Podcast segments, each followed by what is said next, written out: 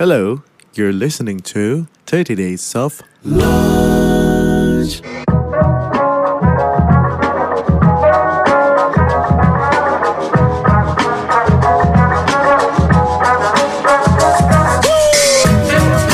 tadi dibilang invest tuh nggak nggak mesti gede gitu tapi at least lu udah mulai di awal lah gitu. Itu salah satu motivasi utamanya sih. Eh, kita pengen ya sesuai misinya Bijar financially freedom bareng-bareng lah gitu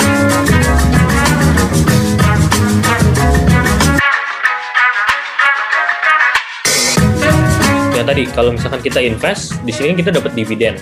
Kalau di sana kita dapat bunga habis itu udah balik modal udah kita kita harus naruh lagi nih ke suatu tempat yang lain gitu kan. Nah kalau ini lebih long term nih kalau di uh, equity crowdfunding ini. Karena balik lagi kita invest habis itu dapat passive um, income-nya ya sampai berjalan terus selama kita masih uh, pengen pe- pegang sahamnya gitu kan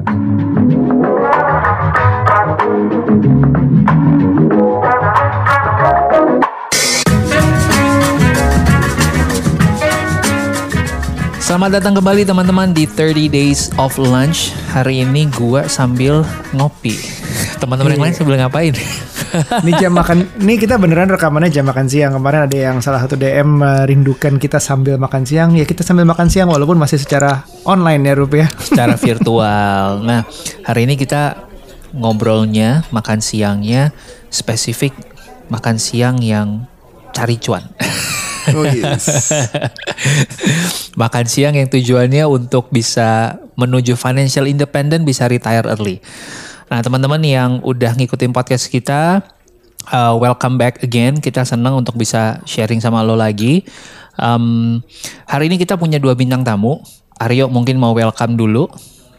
Yes, Em, kita akan ngobrolin sekitar topik yang tadi dia bilang Ruby sambil di saat makan siang ini kita udah masih bisa mendapatkan uang contohnya.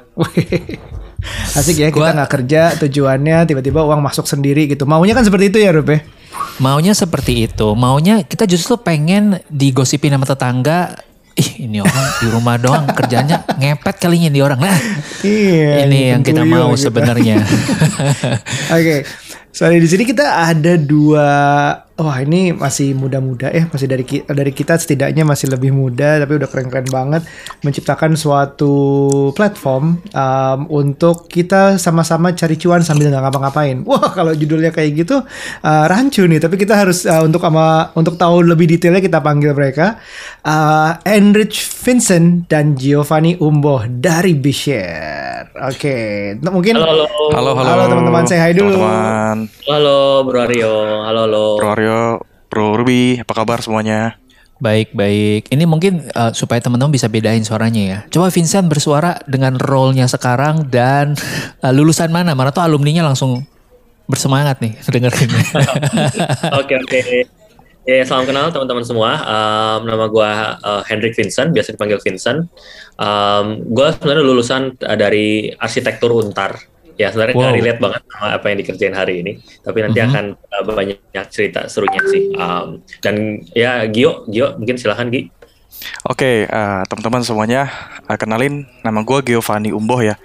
Biasa dipanggil Gio.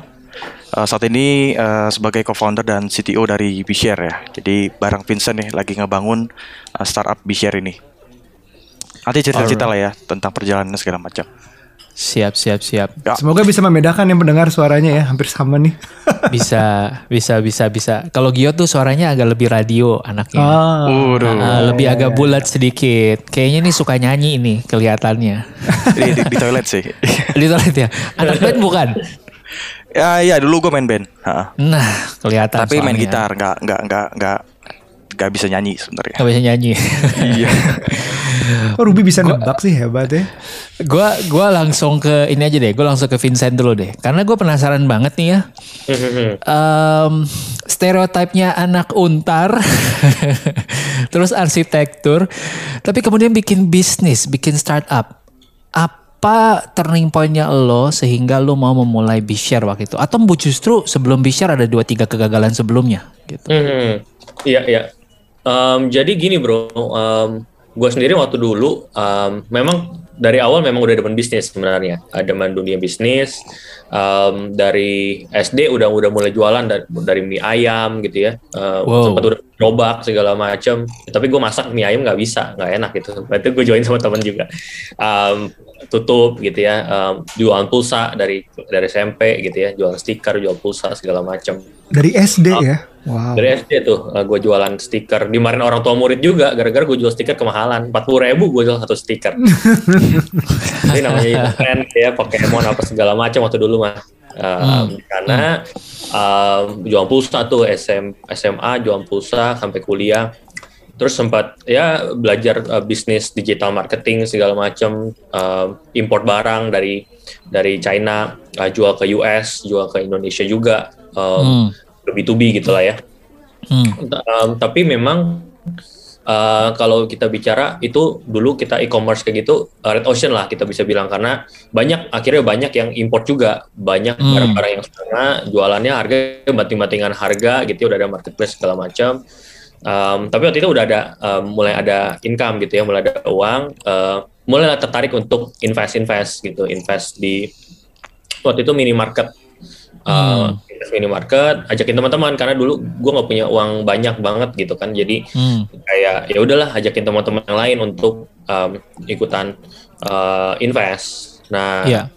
dari sana kepikiran nih kenapa nggak kalau konsep ini kita bawa bukan buat kita kita aja nih tapi seluruh masyarakat Indonesia bisa ikutan dan lebih banyak bisnis yang bisa kita bantu gitu jadi kan Hmm. banyak UKM yang ukuran modal juga nih gitu kan Hmm. Hmm. Nah, akhirnya gua kepikiran nih untuk kita ngebikin yang namanya B-Share gitu. Jadi waktu itu ketemu baru uh, sama Gio ya, Gi, waktu 2017 ya. Jadi uh, ketemu di acara pemerintah tuh waktu itu, Kominfo, 1000 Startup Digital. Jadi gua asli nggak Hmm. kenal sama Gio, gua nggak kenal sama co-founders yang lain, Wow. kenal gitu ya. Ketemu di sana. ketemu di sana bener-bener. Gara-gara waktu itu oh gue punya ide nih mau bikin ini. Terus itu banyak gue nggak ada teman gue nggak ngerti IT gue orang arsitek gitu kan.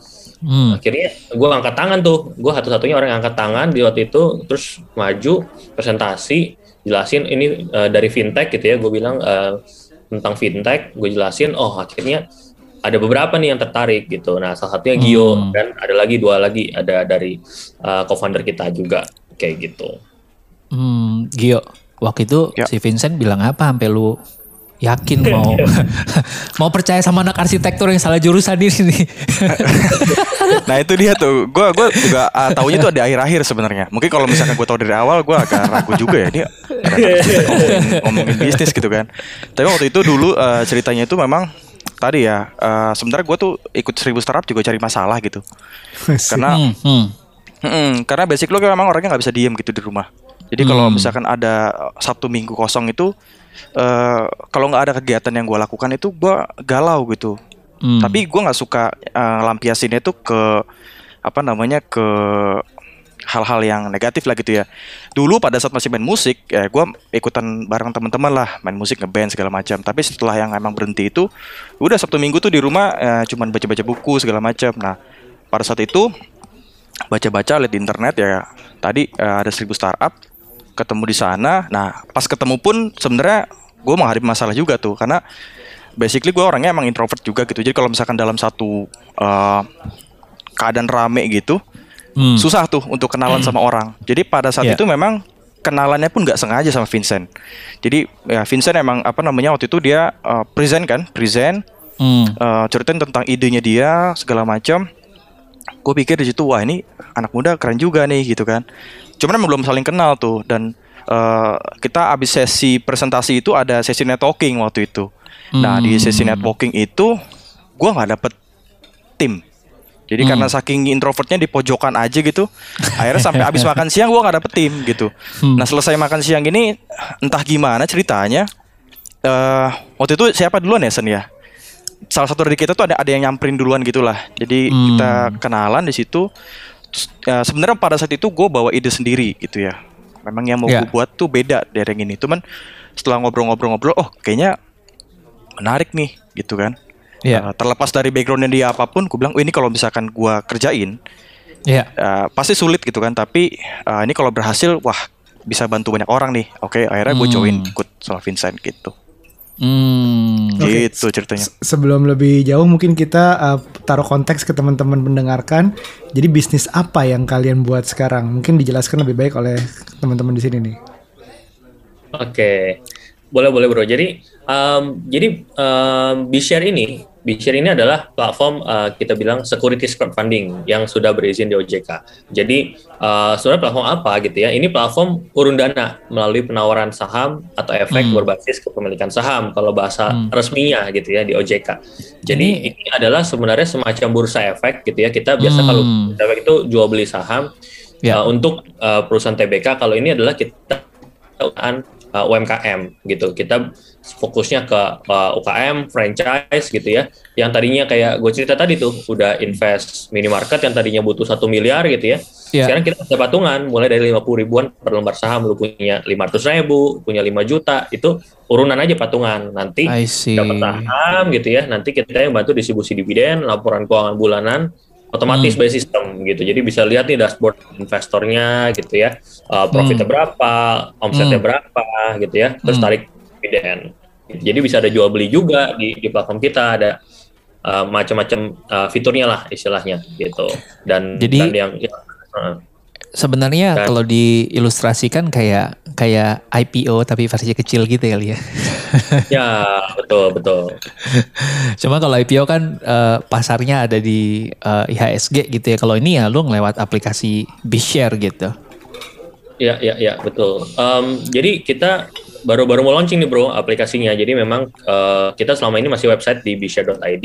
Mm -hmm. Um, bentar lagi akan launching di uh, bulan September ini uh, aplikasinya di mobile apps uh, Android sama iOS ya. I see. Oke. Okay.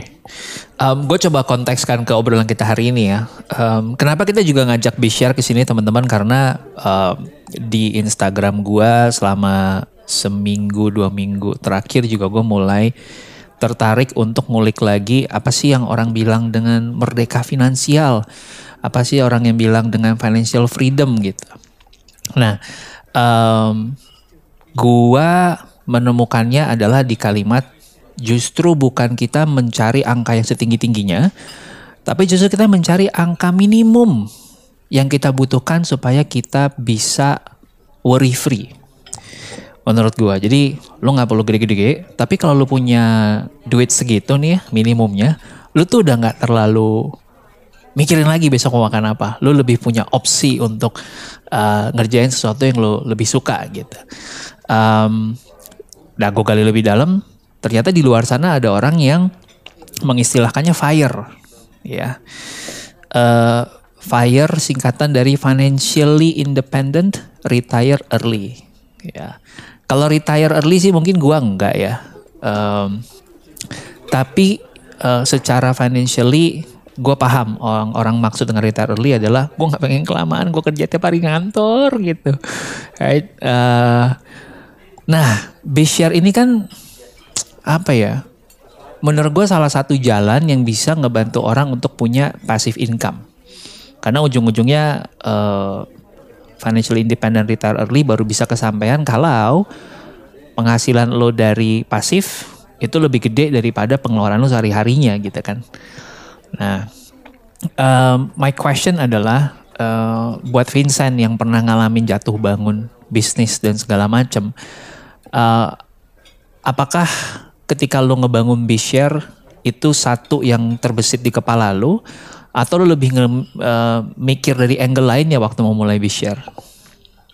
Um, iya, jadi sebenarnya waktu kita bikin share itu um, pengen banget gitu ya bahwa mungkin orang di luar sana nggak tahu nih gimana ya caranya kalau mau bebas finansial gitu ya tadi financial independent tadi gitu um, dan biasanya ada ada orang yang bilang oh kalau mau bebas finansial kan modalnya masih gede gitu ya hmm. cara invest uh, uh, mau bebas finansial lu mesti invest invest yang ada passive income-nya tadi gitu kan hmm. kayak yang uh, Ruby cerita tapi balik lagi kalau invest bisnis itu miliaran ratusan juta minimum untuk bikin bisnis yang itu yang bisa dapetin passive income tadi gitu nah jadi dari sana gimana nih supaya lebih banyak orang bisa nih untuk um, apa namanya financial independent dan bebas finansial tadi gitu.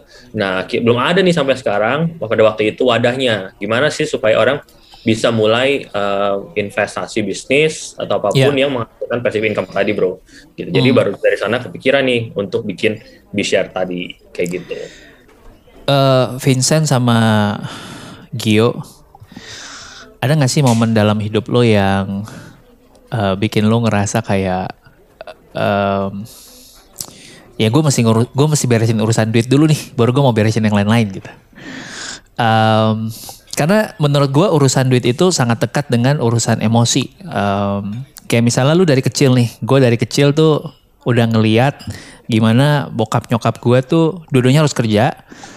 Uh, jadi double income family. Itu pun udah kayak jam 8 pagi berangkat, jam 10 malam baru pulang. Senin sampai Jumat gitu ya. Dan itu efeknya ke gue dan kakak adik gue tuh beda-beda semua gitu. Ya kita yang pasti tiga-tiganya nggak mau lagi kerja kantoran. Jadi dari kita bertiga nggak ada yang ngantor tuh. Karena buat kita ngantor sucks. Karena orang tua gue harus kayak gitu. right? Nah, lu punya gak sih pengalaman yang seperti itu yang akhirnya ngebikin lu, ya itu juga yang kenapa gue pengen ngejar si uh, fire ini gitu. Mungkin itu cukup cukup cukup uh, jadi salah satu alasan juga ya kenapa akhirnya gue mau uh, apa namanya membangun ini ya gitu ya. Karena memang uh, personally memang gue juga uh, secara finansial keluarga itu memang salah satu yang yang uh, kurang baik lah gitu ya. Jadi belajar dari hal itu uh, ternyata kalau kata orang apa namanya uang itu bukan segalanya bagi gue itu uh, kalau nggak ada uang itu memicu segalanya jadi masalah gitu ya. Hmm. itu yang yang yang akhirnya gue lewatin dan di satu titik oke okay deh kayaknya emang harus nih berbuat sesuatu yang bener gitu nggak bisa pakai dengan apa yang uh, eh, gue selama ini lihat atau contohkan dari orang tua gitu jadi yeah. ya, mulai dari situlah uh, eh, gue akhirnya mulai coba untuk cari tahu sendiri gimana sih sebenarnya caranya kita tuh menata hidup yang baik gitu ya untuk tadi mm. at least kita dengan uh, punya keuntungan gitu ya privilege kita adalah kalau di saat usia muda kan waktu ya usia hmm. gitu kan. Jadi hmm. gue pada saat itu bagaimana caranya uh, memanfaatkan waktu ini sebaik mungkin uh, untuk bisa tadi achieve uh, target gue di masa depan gitu. Setidaknya memperbaiki dari apa yang gue alami di masa kecil lah gitu ya. Hmm. Jadi uh, banyak halnya ya gitu ya. Jadi kalau kita ngomongin uh, untuk mencapai ke sana kan bukan cuma tentang uang gitu ya. Kita upgrade knowledge kita gitu kan. Kita uh, perbanyak bergaul atau uh, perbanyak teman-teman juga emang punya interest yang sama gitu. Jadi uh, gue yakin juga dengan adanya B-share ini kita ngumpulin orang-orang yang sama nih gitu. Jadi memang orang-orang hmm. yang yang punya uh, dream yang sama gitu kan. Hmm. Dan emang uh, yang ada di B-share ini memang uh, investor kita profilnya tuh dinominasinya memang dari usia 20-an sampai 40 tahunan gitu ya. Jadi memang hmm. banyak uh, milenial dan Gen Z lah di dalam situ ya. Jadi hmm. mereka tadi dibilang invest tuh nggak nggak pasti gede gitu tapi at least lu udah mulai di awal lah gitu nah itu hmm. juga yang menjadi semangat gue juga uh, kenapa uh, dari mulai awal uh, handle teknologi sendirian di Bishare hmm. sampai sekarang alhamdulillah ada tim ya yang ngebantuin hmm. gue juga itu salah satu motivasi utamanya sih uh, kita pengen ya sesuai misinya Bishare financially freedom bareng-bareng lah gitu termasuk gue juga sendiri sebenarnya gitu buat buat lo pribadi apakah financial freedom itu lo jadi punya satu angka yang lo kejar? Ah sampai di titik ini gue bisa nyaman nih kayak tadi ya gue nyebutnya angka minimum. Atau buat lo um, lo memaknainya dengan sesuatu yang berbeda gitu? Hmm, kalau sekarang itu lebih ke apa ya kalau angka jujur ya ada ya. Maksudnya hmm. uh, kayaknya setelah kita hitung-hitung nih kan apalagi kalau kalau biasanya tuh banyak dari kita sekarang kan jadi apa ya sandwich generation gitu ya. Jadi hmm. banyak yang memang uh, walaupun kita sendirian gitu kerja tapi banyak yang kita mau mau backup lah gitu. Nah uh, kalau dari gue sendiri sebenarnya lebih ke arah cukup dulu sih at least dengan apa yang uh, kita punya sekarang itu bisa bisa tercukupi lah jangan sampai kekurangan lah gitu ya. Uh, apa namanya kebutuhan kita di saat sekarang gitu. Kalau untuk ke depannya ya pengennya sih uh, ya pensiun dini dengan dengan dengan apa namanya nggak usah kerja lagi gitu udah udah udah udah happy gitu ya. Pengennya sih gitu hmm, lo lo uh, with that in mind berarti dari dari selama ini Bishare udah ada udah ada berapa project selama ini yang didanai ya? Kalau boleh tahu. Berapa ya sen? Terakhir itu 55 deh terakhir 55 ya, 55 nih sama yang going ya iya ya sama yang ongoing I see I see personally berarti ada injek juga dong di beberapa yang lo rasa ah nih gue mau nih masuk nih gitu. Yoi. Itu believing the product ya, believing in your own product. iya. Kan BJT kan salah satu kendala ya, kendaraan kita supaya kita bisa menuju uh, bebas finansial itu gitu. Eh, um, tanya ya, menurut kalian kan menuju fire tadi um, itu kan harus ada kayak side income atau side ada investment, tapi investment kan banyak jenisnya ya. Uh, kita lagi rame banget sekarang portfolio harus dibikin beragam nggak cuma satu. Um, tapi kalian uh, fokusnya di bisnis atau entrepreneurship atau UKM sekarang bisa dibilang macam-macam istilahnya. Tapi intinya mau mensupport bisnis yang baru memulai atau butuh tambahan dana segala macam dengan jumlah yang istilahnya ya lebih kecil lah daripada bursa gitu. Jadi bukan perusahaan publik yang terdaftar dan sama tapi sistemnya agak-agak sama dengan bisa dapat equity. Um, tapi ukurannya lebih kecil aja salah satunya. Tapi kenapa bisnis? Kenapa entrepreneurship? Ada apakah karena pernah memang suka bisnis dari awal atau ada drive khusus percaya khusus, prinsip khusus bahwa uh, berbisnis adalah cara-cara untuk paling cepat jadi kaya misalnya atau ada misalnya oh, negara ini kita harus harus bantu negara 2% kita harus punya minimal kan sering digaungkan tuh minimal 2% dari penduduk harus berbisnis. Yang mana yang lebih dekat atau ada punya alasan sendiri kenapa entrepreneurship atau bisnis ini yang fokusnya? Iya. Um, kalau dari kita sih sebenarnya um, karena kita uh, melihat bahwa bisnis ini yang uh, paling bisa sebagai kendaraan untuk tadi uh, bebas finansial tadi bro jadi financial independent tadi gitu ya um, selain kita juga supporting uh, UMKM gimana kita tahu sendiri kan uh, lebih dari 50% kan uh, UMKM kita ini terkendala permodalan kan. Dan ya ada seribu triliun yang belum terserap oleh bank gitu. Jadi um, selain kita membantu uh, dari sisi UMKM kita melihat bisnis ini keunggulannya adalah cash flow sebenarnya. Cash flow yang bisa menghasilkan income pasif gitu ya yang masuk ke kantong kita. Kalau mungkin yang di luar-luar sana ada macam-macam ya ada saham ada emas ada apa iya, segala yeah, yeah. paper asset. Tapi itu kan biasanya lebih ke capital gain pada saat kita jual beruntung gitu kan. Hmm. nah ini supaya kita bisa dapat daily uh, monthly yang uh, recurring uh, income gitu ya? Nah aset bisnis yang bisa udah autopilot ini yang bisa jadi kendaraan jadi tapi sama sampai sekarang belum ada yang garap gitu ya waktu itu. Jadi ya dari sanalah kita bikin uh, specialist di uh, aset bisnis kayak di gitu bro. Recurring income tapi karena equity juga ada dividen nantinya ya kalau profit ya. Betul. Jadi recurring income ini lebih ke dividennya bro. Jadi oh dividennya. Uh, okay. hmm. dividen gitu kan. Yang bisa uh, bulanan, tiga bulanan, enam bulanan kayak gitu.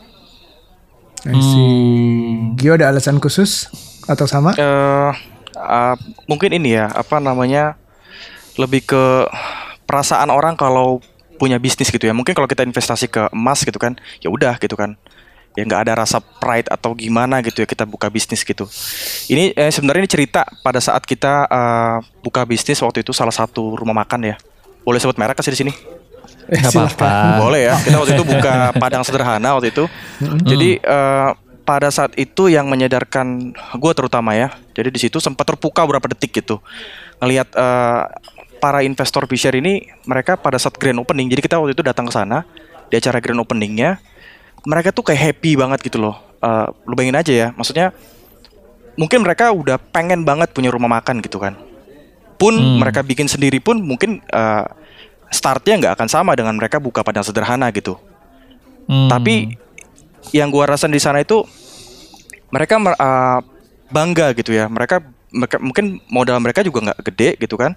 Mereka urun dana, lalu bisnisnya tuh ada depan mata gitu loh. Mereka grand opening bisnis yang mungkin udah jadi impian mereka tuh dari jauh-jauh hari sebelum ada share gitu kan. Nah hmm. itu itu salah satu yang gue rasa oke okay, kita kayaknya udah nggak uh, apa namanya udah udah ngerjain sesuatu yang benar nih gitu ya karena pada saat itu awalnya terus terang tadi awalnya cuman mau nyari sibuk aja. Karena gua mau mencari sibuk aja dan gua nggak pengen uh, waktu gua habis buat yang nggak berguna gitu. Hmm. dan dengan adanya ngelihat itu dengan mata kepala sendiri akhirnya oke kayaknya terbalas nih semuanya gitu terbayar gitu ya Hmm. Hmm, Karena Gitu bentuk sih. bentuk cari uang yang paling kuno ya, paling awal banget bukan kuno mungkin ya paling awal banget berdagang gitu. Emang udah mendarah daging di di manusia gitu. Jadi ya, Iya. ya ke- keinginan untuk punya sesuatu. Wah, akhirnya aku punya restoran walaupun cuma berapa persen. Iya, iya. akhirnya Bijar memungkinkan itu terjadi. Oke, make sense, make sense. Ada kebanggaan tersendiri yo. Kayak hari ini gue beli sahamnya Apple, besok gue tulis di Instagram gue. Investor Apple. investor Apple ya, Ya, ya, persentasenya investor, berapa nggak disebut ya. ya. iya gak disebut. Beli satu lot aja juga udah cukup gitu. iya itu kan Ya, make sense sih, make sense. Jadi um, memang ada ada ya, bagus juga kalau misalnya nanti ada apa um, dividennya bisa per bulan atau per tiga bulan per enam bulan tuh make sense sih. Jadi um, tapi coba deh kalau misalnya kita bisa share tentang ada nggak sih orang yang berhasil fire tadi dari dari menjadi salah satu investor di, Investor. di share. Hmm. Hmm. Nah itu, eh, jadi waktu itu eh, ini salah satu cerita ya, mungkin dari salah satu investor pertama kita. Eh, kemarin kita udah sempat eh, ngobrol juga sama dia dan dan sampai sekarang masih invest gitu ya, namanya eh, Pak Suratmo. Jadi Pak Suratmo ini dia dari awal, dari kita bahkan eh, baru early banget gitu ya, kita buka bisnis minimarket, dia invest gitu. Dan dia rutin sampai sekarang dia invest. Em, nilainya mungkin ya lumayan lah ya, dia dia invest eh, dan dia rutin invest juga. Eh, dan sekarang waktu itu dia kerjanya adalah sebagai PNS gitu ya pegawai negeri Hmm. sipil Eh, dan akhirnya dia setelah invest eh, bertahun-tahun di eh, kita ini tiga tahun terakhir ini Hmm. dia udah bisa nikmat tuh yang namanya passive income tadi gitu ya passive Hmm. income yang mungkin sekarang udah eh, jutaan ya kita bisa bilang itu nggak perlu ngapa-ngapain dari bisnis sudah jalan karena dikelola oleh pengelola yang kompeten gitu ya autopilot Hmm. Eh, dan dia bisa eh, udah pensiun lah istilahnya sekarang karena Hmm. Uh, udah udah financial free juga begitu dan dia sambil masih aktif juga ngerjain ngerjain hal yang lain yang memang adalah passion dia gitu jadi Hmm. uh, dia bisa lebih fokus ke mengejar passionnya dia dan udah ada passive income-nya terus nih dari Bishare dan dari tempat lain juga pastinya kayak gitu Hmm. Oke, jadi ada ya Pak Sumarto menghasilkan. Jadi tadi yang Ruby bilang uh, minimum requirement atau pendapatan bulanan minimum yang untuk menjalankan hidupnya sehingga tidak lebih rendah dari pengeluarannya. Terus dia udah bisa bebas ngelakuin apa. Jadi retire-nya mungkin retire Iya. dari kantoran, retire Kantoran. dari uh, uh, kalau nggak salah dia dia ceritanya sebelumnya apa? Uh, dia PNS dulu Wah dia Hmm. dia cabut dari PNS yang masuknya Iya. juga Wow. gampang ya. betul betul Iya dan itu kan biasanya jadi jadi rasa security-nya orang ya di kerjaan sebagai PNS kan karena menunggu dana pensiun itu ya. Interesting. Jadi teman-teman yang denger ini umur 20-an nih orang yang eh apa namanya menurut gue di usia pensiun aja mereka melek untuk pakai Bishare. itu gue penasaran loh. Dari mana dia bisa tahu soal Bishare dan dia bisa oke ini kayaknya legit nih gue mau invest gitu ya. iya dia dia kayak aktif di sosmed juga sih segala macem Um, karena kita banyak uh, aktif juga di uh, sosmed Instagram segala macam gitu ya mungkin dia juga gaul juga ya nggak mungkin belum terlalu senior waktu itu tiga tahun yang lalu jadi dia aktif Iya. juga sih gitu I see, I see. Eh, jadi kalau project yang ada di Bishare itu mengingatkan gua sama eh, beberapa brand di luar yang gue juga suka. Konsep eh, fans atau customer bisa menjadi bagian dari pemilik si bisnisnya. Jadi kalau case sepak bola, kalau gua nggak salah sih ya, either Real Madrid atau Barcelona itu eh, fansnya mereka tuh bisa membeli eh, ownership di tim sepak bola itu gitu. Um, Betul, Madrid. Begitu juga Real Madrid ya, bener ya. Eh, jadi mereka emang secinta itu. Kemudian eh, ada juga satu brand bir yang gue suka. Eh salah nggak boleh sebut bir kalau di sini. Ah, jus gandum. lo, lo, masih lebih aman, nggak apa-apa silakan. Oh gue gak apa-apa ya, gue gak apa-apa ya. Jus gandum yang gue suka di UK namanya uh, Brewdog. dia itu raising fund justru dari fans-fansnya mereka gitu dan fans-fansnya jadi dapat benefit-benefit khusus gitu selain di luar dividen ya. Um, dan menurut gua jadinya ketika lo punya customer atau fans yang ikutan invest di bisnis lo, benefitnya bukan cuma lo dapat tambahan modal, tapi lo dapat corong yang bersedia ceritain produk lo ke orang lain gitu, ya kan? Bayangin ya kalau gua nih invest di let's say Sederhana. tadi deh pad- padang sederhana yang dekat rumah gua gitu, gua akan ngajak om gue, tante gue kalau mau beli Nah, padang iya. yang ini, jangan yang lain gitu kan. betul betul. Dan lo bisa posting Rob, kan lo punya presence di social media, posting beli makan di Padang Sederhana situ, wah naik pendapatan ya harusnya kan. iya, Iya, iya. betul betul betul. Jadi em, menurut gua ini ini satu cara yang em, sebelumnya nggak dimungkinkan tapi sekarang jadi jadi mungkin ya. Eh, Keren sih untuk ngebukain akses buat ini. Tapi gue mau tanya lebih detail ya sedikit ya. Apa yang bikin ini beda sama IPO pada umumnya? Mhm. Sebenarnya kalau IPO itu bedanya adalah di skalanya bro. Jadi Hmm. kalau uh, di sana kan asetnya mesti 50 miliar segala macam gitu ya. Uh, Ya. Kalau di sini itu kita memang uh, skalanya lebih kecil. Jadi asetnya itu uh, um, apa na- namanya totalnya itu nggak boleh lebih dari uh, 10 miliar kalau salah. Jadi memang itu di luar tanah dan bangunan gitu. Jadi um, ada batasnya yang membedakan antara uh, pasar modal Bursa Efek Indonesia sama Hmm. equity crowdfunding atau securities crowdfunding kayak kita gitu di Hmm. BR. Jadi memang uh, skalanya kemudian juga uh, jenisnya tadi karena mungkin perusahaan itu tuh udah TBK jadi dia besar. Jadi mostly orang kalau invest saham kan nyarinya kenaikan harga sahamnya capital gain. Dia beli murah, jual harga dapat dapat spread tuh ya untungan dia gitu kan uh, invest saham. Nah, kalau di kita itu lebih condongnya ke dividen. Dividennya tentunya mungkin secara persentase yieldnya lebih besar dibandingkan perusahaan TBK. Mungkin karena perusahaan TBK udah gede dan lain sebagainya. Jadi kalau kita beli kecil pun dapatnya kecil kan, karena ya balik lagi tergantung um, apa namanya perusahaannya seperti apa gitu kan. Uh, mungkin yieldnya kita bisa bilang perusahaan besar TBK gitu blue chip 5% lah dividen yield gitu ya. Kalau di Hmm. kita kan bisa 20 up to 30% gitu. Tapi Per tahun ya? balik lagi, uh, per tahun betul dan Tapi angkanya itu kan lebih pas- kecil ya, angka Iya. investasinya.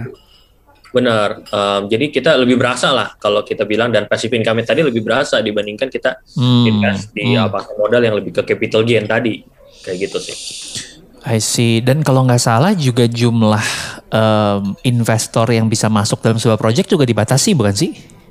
Um, kalau sekarang enggak bro. Jadi um, tadinya itu jadi pilihannya atau jadi 10 miliar Hmm. um, dan dia unlimited sih sebenarnya kalau Hmm. um, investornya itu bisa 1000 segala macam udah bisa gitu. Oke, nice, nice, nice, jadi jadi nice. bisa, bisa semakin banyak sih yang invest. Jadi secara teknis berarti em, kalau gua sign up ke B-share terus gua invest, saya gue taruh 100 juta, gue megang apa sebagai bukti ownership itu? Eh, kalau itu kita ada yang namanya eh, saham bro. Saham ini benar-benar eh, kita udah integrasi dengan eh, kustodian sama kesei. Jadi sama Ah. kayak kita invest di bursa efek. Jadi kita dapat eh, saham itu scriptless gitu, bukan lagi warkat gitu ya saham fisik Mhm. gitu ya, tapi Mhm. udah scriptless sama kayak lu invest di bursa efek gitu. I see. Jadi kalau dicek di KSI juga bisa ya? Bisa, Kayak lu bisa, ngecek bisa. stok obligasi dan saham lu segala macam ya? Iya. Benar, oh nice. Oke, interesting. Um, terakhir, biar kelar nih tek- hal-hal teknisnya, karena gue yakin teman-teman juga banyak uh, apa namanya rasa penasaran ya. Um, Kemudian um, si dividen ini berarti akan masuk ke rekening yang gue daftarkan gitu ya, setiap bulannya gitu. Benar, benar. Oke. Dan ownership gua ke restoran Padang ini gitu misalnya, itu berapa lama? Selama restoran itu berbuka terus atau gimana? Ya, jadi selama bisnisnya berjalan ya tetap punya lu, Ins- eh, kecuali dijual ya di pasar sekunder. Eh, I jadi kita setelah setahun gitu ya, baru boleh dijual tuh ke investor lain. Kita buka setahun dua kali lah istilahnya. Jadi eh, lu bisa jual ke teman lu misalkan atau atau investor lain yang ada di share. Misalnya lu mau exit duluan itu juga bisa. Jadi modalnya I balik, see. dividen tetap punya lu yang sebelumnya kan, kayak gitu. I see. Oh, Itu jadi bisa nanti setelah berapa lama? Sorry. Eh, setahun, Oh, setahun. eh, setahun berjalan, eh, dua kali dibuka. Oke, ada di pasar sekunder ya. Ya. Tunde. Ya, ya itu penting tuh karena menurut gue mungkin ada momen di mana orang tiba-tiba eh ini gue butuh narik duit gue nih, I need the cash gitu kan. Dia ada opsi dua kali itu ya dalam setahun ya. Ya. Betul. Setelah Betul tahun pertama, oke, oke. Itu ada potensi capital gain lagi dong kalau gitu ya. Ada. Harga sahamnya naik. Iya. Ada. Oke. Tapi yang menentukan kita sendiri, gue mau jual berapa gitu. Nah, benar. Sama kayak di bursa Oke. pokoknya konsepnya. Ya, ya, ya. Oke. Kalau PBU mau jual cepat ya dikurangin harganya ya bisa jadi. Tapi kan udah ada dividen setahun sebelumnya kan. Iya, iya, iya, iya. Make sense. Ah, Oke, oke. Eh, jadi ini menarik sih sebenarnya bukan cuman buat yang mungkin misalnya eh, dana terbatas pengen masuk ke suatu bisnis, pengen punya bisnis. Jadi kan ada minimalnya. Minimal berapa eh, untuk invest? Em, kalau sekarang kita 5 juta, yaitu satu lot ya. Kita 50 ribu per lembar saham, tapi kadang-kadang kita punya voucher. Jadi kayak di dalam sistem itu ada voucher yang lu bisa 50 ribu udah bisa invest, atau 500 ribu udah bisa invest. Kita pakai voucher kayak gituan sih. Ah, jadi jadi minimal 5 juta itu udah kita bisa punya suatu restoran Padang atau Ya. uh, Alfamart, Alfamart, Indomart, ya. ah, gitu segala macam itu itu kan yang memberikan jalan buat yang uh, dananya terbatas untuk memiliki actual business karena kan ini boleh Ya. dibilang primer ya kita merasakan dividen kita kita bisa ikut marketing dengan menjual atau posting di sosial media gitu tapi kita nggak ikut RUPS ya karena mungkin nggak bisa ya eh, apa bisa ya Kita ada online, online bro. Jadi nanti setiap tahun pengelola, jadi ada IRUPS gitulah yang kita set up juga. Ah, di di dalam BeShare ya. Eh, Iya, kita lagi ngobrol sama Kesei juga sih. Nanti dia bantu eh, siapin i proxy dan lain sebagainya tuh. Kita lagi ngobrol juga. I see. Wow. Oke. Oke. Terus eh, ini juga menarik buat yang kayak misalnya pengen eh, coba-coba. Jadi em, gimana sih rasanya punya waralaba atau franchise em, suatu minimart gitu? Katanya nguntung ya. Ah, cobain aja, cobain kan bisa dengan 5 juta, 10 juta gitu ya merasakan sebenarnya seperti apa. Dan akhirnya itu pun bisa selain dapat dividen dan bisa dijual lagi nanti di pasar sekunder. Selain itu tambahannya adalah em, dia tuh ya kita bisa lihat kan ini kan udah kalau nggak salah correct me if I'm wrong itu si Bishir ada semacam preliminary-nya jadi nggak sembarang um, bisnis yang bi- yang akan masuk dalam Bishir itu jadi kayak ada dibantu ya coba dijelaskan ya gimana deh prosesnya kalau misalnya gue punya bisnis mau cari dana di situ Ya, ya. Nah, jadi em, kita juga sebenarnya eh, banyak sih bro. Jadi bukan cuma franchise. Jadi kita ada UKM-UKM juga yang kita rasa bagus gitu ya. Yang mereka bisa mengajukan pendanaan di kita. Jadi em, di Bishare ini kita em, tentunya ada eh, due diligence. Jadi dari financial, dari legalnya segala macam kita cek dulu nih. Em, biasanya bisnisnya udah harus jalan setahun dua tahun dulu gitu ya. Dia udah apa namanya udah ada track record lah.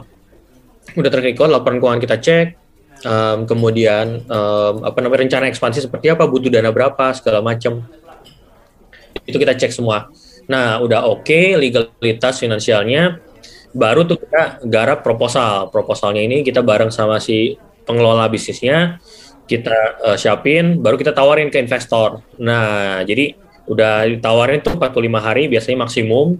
Tapi biasanya kita cepet sih ada yang uh, satu menit segala macam ada nanti mungkin gue bisa cerita lebih lanjut tuh di sistemnya seperti apa. Jadi uh, di sana udah terpenuhi pun kita juga tetap bantuin. Jadi ada after investmentnya ini kita ada namanya tim business support. Jadi kita membantu pengelola bisnis ataupun uh, siapa namanya brand owner ini untuk menjalankan bisnisnya supaya tetap bagus gitu. Kita pengen jaga ini investasinya investor tadi supaya growing dan tetap uh, menghasilkan dividen yang bagus lah istilahnya buat investor gitu. Kita bantuin juga. Jadi persiapannya pun kalau misalkan dia belum ada PT segala macam kita bantu bikinin PT dan lain sebagainya, laporan keuangan dirapiin, baru tuh yang udah ready baru rilis kayak gitu. Jadi udah ada kurasinya dulu tuh. Hmm, lengkap ya, lengkap ya.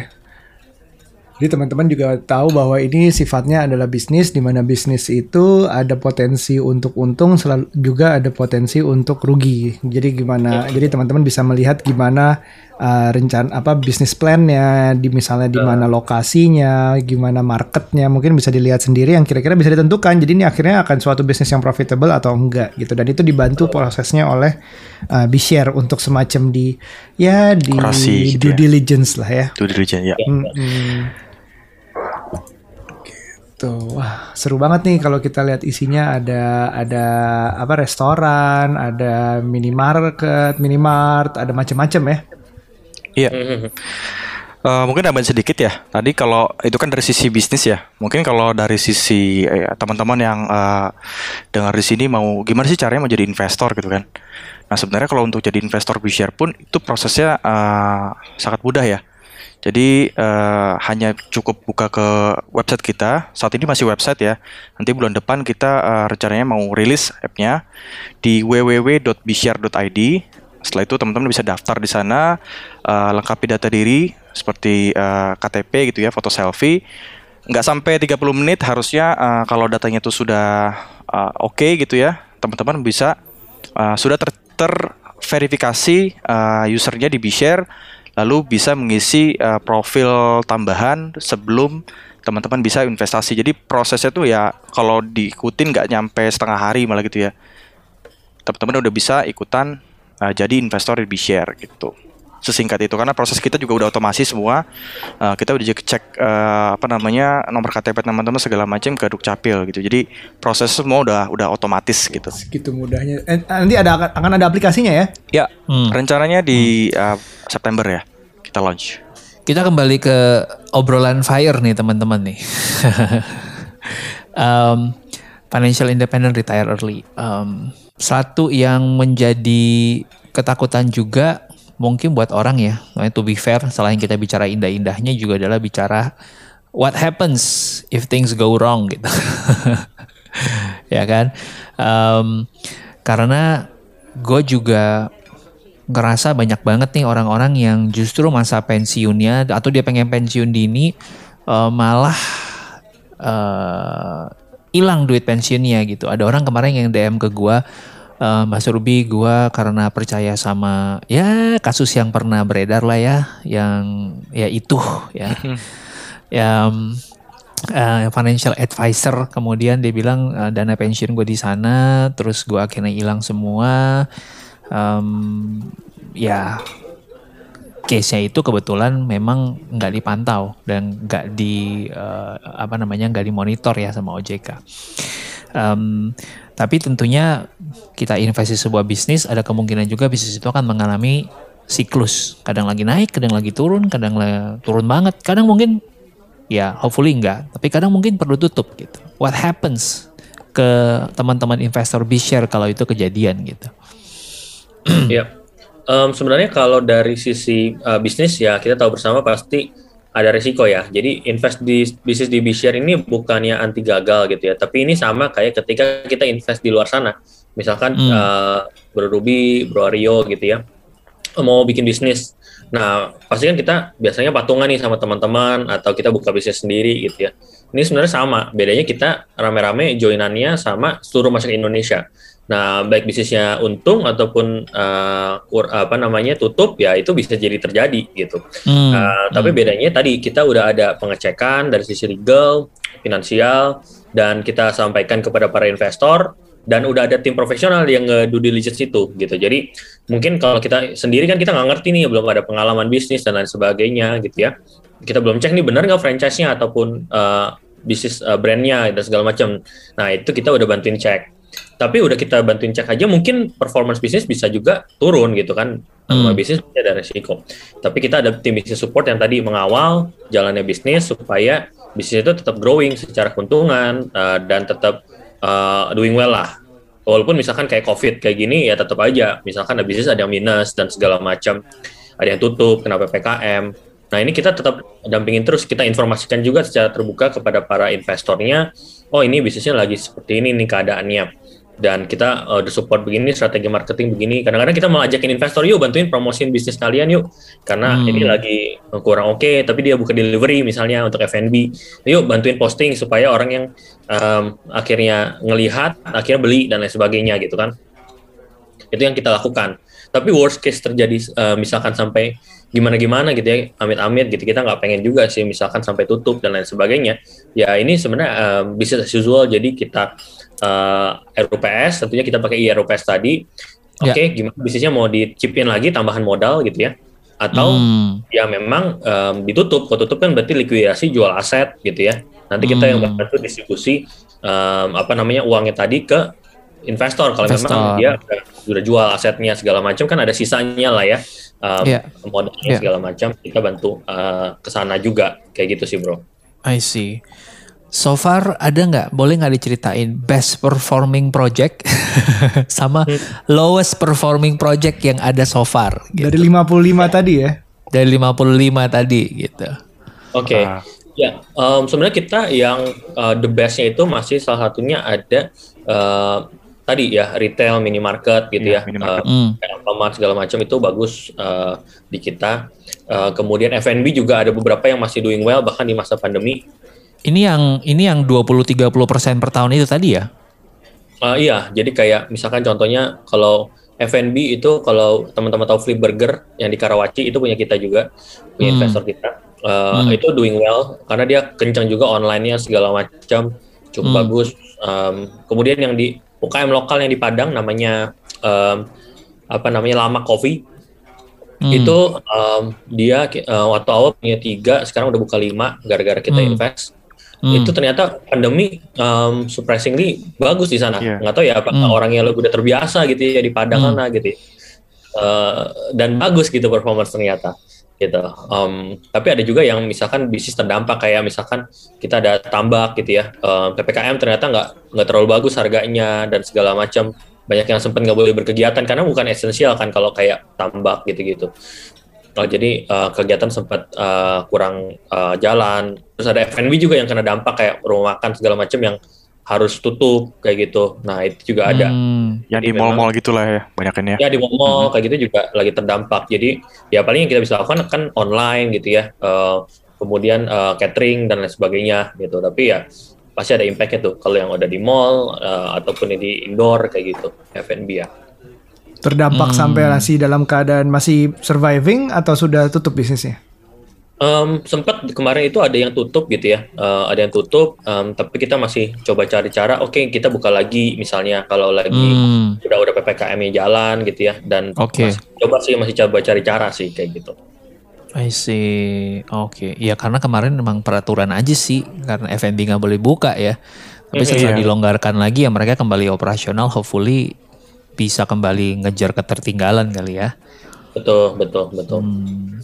Oke, oke. Iya. Interesting. Dari 55 perusahaan itu nih katanya total investasinya udah sampai 45 miliar lebih ya sampai hari ini gue lihat di websitenya. Itu luar biasa sih. Jadi em, total investornya ada 72 ribu yang terdaftar. Jadi kayak dari 55 bisnis bisa banyak banget karena kan minimalnya tadi yang dibilang 5 juta tadi. 5 juta rupiah. Jadi ada orang yang memang um, dananya terbatas ada yang penasaran pengen coba-coba ada uang dingin pengen tahu rasanya punya bisnis atau mungkin Ya. tempat berdirinya deket apa tempat bangunannya deket dari rumahnya atau um, bisnisnya dia familiar dengan industrinya atau memang suka brandnya atau apa itu memang banyak banget pilihan di sini sih. Itu itu yang kayak uh, gives us a new options lah new perspective. Ini rasanya pengen punya bisnis yang uh, mungkin gua nggak paham uh, brick and mortarnya awalnya gimana sih bikin suatu restoran suatu minimart suatu macam-macam tapi bisa melihat nih semuanya nih budgetingnya gitu-gitunya ya layaknya sebagai pemilik saham suatu bisnis. I think it's interesting sih so jadi kalau misalnya kita ngomongin fire dari sini ya bisa banget lo tergantung uh, masukinnya berapa dan rata-rata berapa nih misalnya persentase uh, dividen yang dibagikan per bulan. Tadi kalau Pak Sumarto itu bisa bisa da- bisa menghidupi dirinya tuh ada roughly berapa nggak sih kira-kira yang bisa ya biar fire versi dia gitu. Ya, ya. Mungkin kalau kita hitung-hitung dari investmentnya, kalau dia kan ada invest eh, ya kalau kita bisa bilang ratusan juta lah ya di Hmm. kita. Em, itu kalau misalkan 100 juta asumsinya gitu ya 100 juta satu bisnis, eh, kemudian eh, bisnisnya itu kan eh, udah jalan segala macam, mungkin 100 juta itu bisa jadi 2 juta 3 juta kalau dia investnya ada 4 sampai 5 bisnis itu udah sekitar eh, ya mungkin 6 juta, 8 sampai 8 juta lah ya gitu. Hmm. Eh, Hmm. Nah itu kan berarti tergantung nih kebutuhan dia segala macam gitu ya. Tapi lumayan banget kan kayak 6 juta, 8 juta passive income nggak usah ngapa-ngapain dapat tiap bulan uh, secara average lah ya kayak gitu. um, mungkin buat teman-teman yang udah sering lihat konten kita, udah sering ngedengerin kontennya gue dan Aryo. Um, beberapa kali juga kita udah sempat bahas uh, ada satu ada satu acuan buat orang-orang kalau bicara soal dana pensiun ada namanya the 4% rule gitu. Uh, datangnya dari mana? Karena investasi yang paling aman, yang paling safe seperti obligasi atau mungkin deposito ya rata-rata sih orang bisa dapetin 4% dalam bentuk bunga ya uh, per tahun. Nah menurut gua um, ini jadi ngebuka sebuah kesempatan baru buat teman-teman.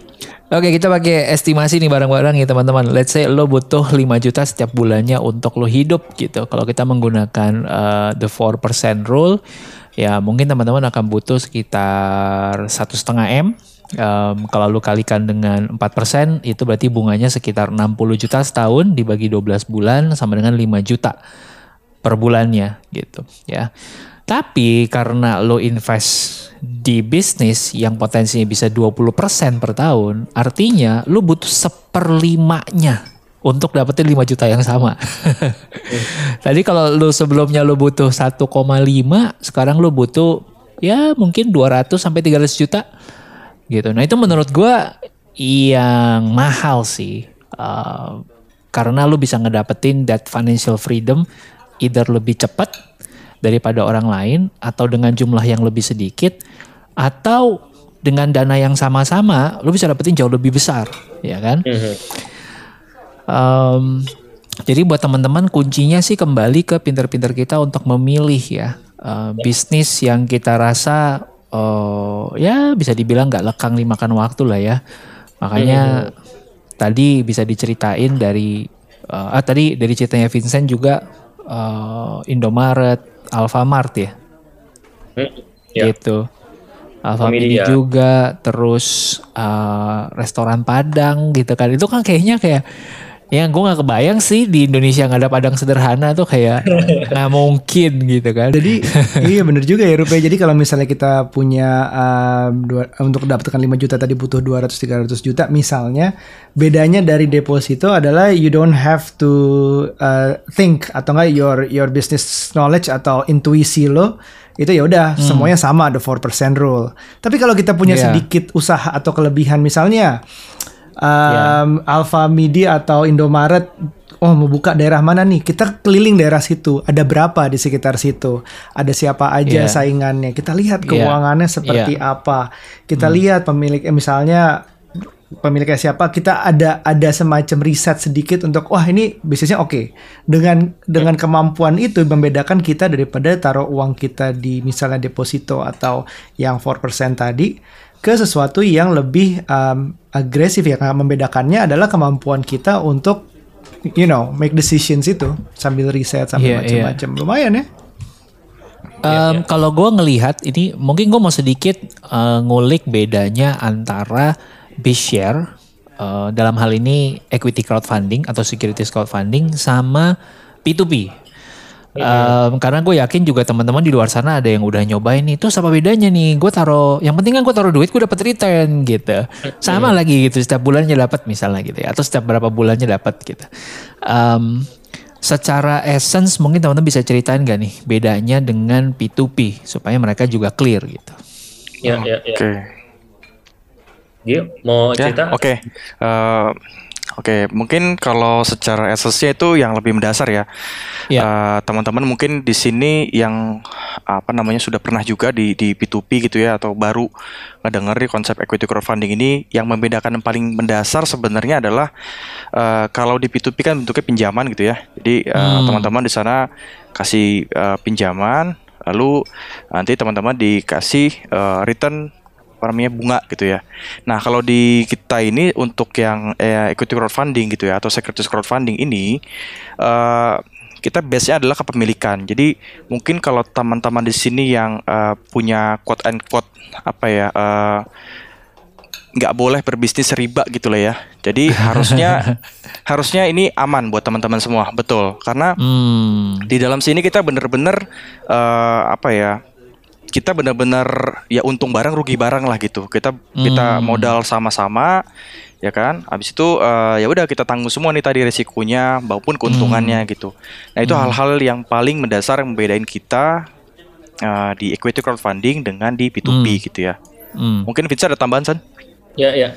Jadi selain daripada itu, kalau bentuk yang tadi equity kan saham ya, saham ya pasti ownership gitu kan.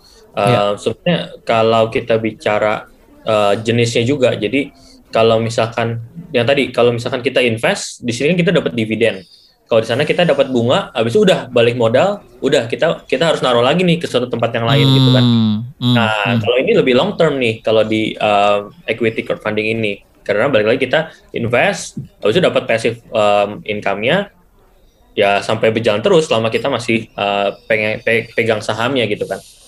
Kalau peer to peer lending kan lebih jangka pendek ya, udah balikin ya udah gitu kan. Jadi nggak bisa yang ngerasain yang namanya kayak oh benar-benar passive income banget nih gitu ya. Kita tetap perlu nyari Hmm. lagi dong yang lain kan. Hmm. Kayak Iya, gitu. lo bisa bisa punya tiba-tiba nggak sadar nah invest ini invest sana tiba-tiba bisa bisa 10 bisnis gitu bisa menyebut diri konglomerat tiba-tiba iya nggak iya. konglomerasi restoran Padang wah itu bisa nanti terjadi Interesting. Bisa, bisa. 30 days of lunch kita buka lah kalau gitu buat teman-teman yang kita jual 20% saham kita siapa Waduh. yang mau bener juga nih bener juga nih Siap, siap, siap. Oh, mungkin teman Buat para listeners. Iya, bisa mungkin teman-teman kalau tertarik invest. bisa share di sosial medianya apakah 30 days of lunch harus uh, membuka membuka suatu pojok di share untuk untuk ya teman-teman ikut berpeluang mungkin. Yes, kita lihat ya kita lihat ya. ya. Antusiasnya. Kalau ada seribu orang yang bersedia naruh satu juta, Wah, eh nggak bisa minimal 5 5 juta, juta. ya. Ya. Minimal 5 juta. Oke, ada Bisa seribu kita- orang bisa setting, bisa setting. Bisa di yang setting bro. bersedia bisa disetting ya. Iya minimal tuh sebenarnya bisa 50 ribu uh, paling rendahnya. Wow. Janganlah udah 20.000. kembali ke 5 juta aja. Ya. 200 orang aja ribu lu. nanti 50 ribu nanti kebanyak, eh, kebanyakan orang pusing. Kebanyakan orang yang pusing. Seribu orang yang bersedia naruh 5 sampai 10 juta. Oke, let's do it. Hmm, kita lihat antusiasmenya berapa banyak nanti yang mention kita. Oke, go for it 3 days of lunch langsung kita bikin nih. Iya, nanti gua screenshot satu-satu Insta Storiesnya kalau gue hitung ada seribu kita jadiin beneran. Kita ada ada harus hitung drop rate nggak nih? Kenapa? harus hitung drop rate di mana yang bilang 1000 taunya. Oh iya bener, bilang seribu taunya pas ditagih tinggal 10 Tinggal 10. Waduh, gak jadi nih. Em, tapi nanti kita pikirin lah ya gimana Yap, kalau yap. misalkan bener gimana caranya supaya teman-teman juga bisa get the most of it. Tapi yang pasti uh, mungkin 3 days of lunch uh, kita melihat ini sebagai sebuah social uh, business. Jadi memang enggak entirely for profit only. Uh, buat teman-teman yang mungkin belum tahu atau baru pertama kali dengar, kita tuh senang banget di season pertama kita dapat kesempatan untuk bisa ngasih beasiswa ke enam orang, masing-masing 30 juta, kerjasama waktu itu sama uh, Purwadika. Season kedua uh, kita belum sempat ngelakuin, tapi di season ketiga ini kita pengen ngelakuin lagi uh, dengan cara-cara yang kita tahu. Um, mungkin kita nanti kerjasama dengan organisasi atau dengan yayasan, but Uh, banyak-banyak yang kita rasa di saat-saat seperti ini bisa terbantu banget dengan pertolongan dari kita. Dan hopefully um, kalau nanti kita raise fund lewat B-Share, um, partially nih ya, gue sih nggak nggak ngerasa kita bisa ngejamin dividen 20%. Ya, tapi dari 10% I think it's possible. Uh, bonusnya adalah teman-teman you have the uh, feel good uh, mood dengan apa yang kita lakukan punya dampak positif ke orang sekitar. Well anyway, belum tahu jadi juga. Well, you make Indonesia Um, better lah ya semoga ya bareng-bareng kita.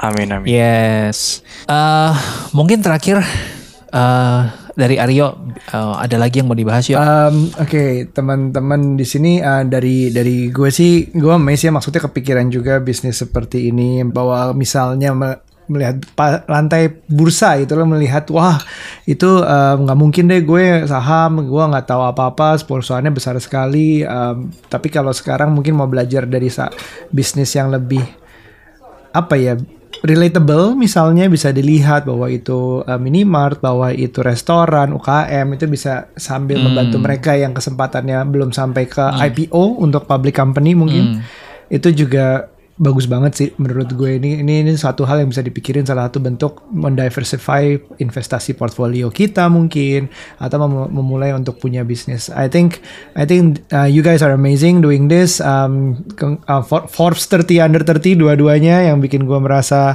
uh, udah telat nggak mungkin ngejarnya. Thank you banget. tapi thank you, thank you, tapi I'm very happy. Um, akhirnya mungkin ini salah satu cara bisa kita nanti ujung-ujungnya fire. Gue sama sama Ruby nggak akan nggak akan really pensiun, as in nggak ngerjain apa-apa, cuman menghabiskan uang. Kayaknya itu masih nggak kepikiran sekarang, nggak tahu nanti. Uh, tapi at least uh, punya pendapatan minimal bulanan yang bisa sustain uh, kehidupan kita dan kita bisa ngelakuin sesuatu yang yang bisa yang kita mau. I think it's a goal sih, quite a goal to catch gitu. So, yep, mm. I'm thankful to be here. Um, for you guys to be here. Dan Ruby silakan. Uh, thank you teman-teman semua yang udah nyimak 3 Days of Lunch um, buat yang dalam perjalanan menuju fire-nya masing-masing, financially independent, retire early. Um, semoga episode ini bisa menjadi penyemangat buat lo, nggak cuman uh, dari sisi berhemat mungkin, tapi lo juga bisa naikin income lo um, supaya lebih banyak lagi bisa lo invest dan uh, share ini adalah sebuah peluang um, buat teman-teman yang tadi nggak mau terpaku saja kepada si 4% tapi pengen um, ikut menikmati uh, si fire ini sedini mungkin dan dengan modal yang mungkin lebih kecil dibandingkan dengan teman-teman kalau harus mengandalkan 4% tadi. So I think it's a great opportunity. Uh, check, um, explore. Kalau belum ya belum benar-benar yakin bisa coba dengan angka yang uh, teman-teman nyaman, lo bisa tidur nyenyak. Um, dan sekali lagi, um, looking forward to hear your uh, feedback. Uh, tag kita di sosial media, uh, Aryo di Shegario, uh, gua di Felixandro dan Bishare akunnya apa ya Instagramnya ya? At bishare.id. Bishare.id. Bishare.id. Ngetek Bishare apa ngetek masing-masing nih, Vincent sama Gio? Uh, Bishare boleh, biar gampang. Oke, siap siap siap. Salah jawabannya harusnya personal eh, branding eh, iya, kan iya. Itu tes tuh. boleh boleh. Oke. Okay. Thank you teman-teman semua. Thank you banget uh, Vincent, thank you banget Gio. Thank you. Sampai ketemu lagi semua di lunch berikutnya. Thank you semua. Thank you semua. Ya, sehat-sehat okay. semuanya.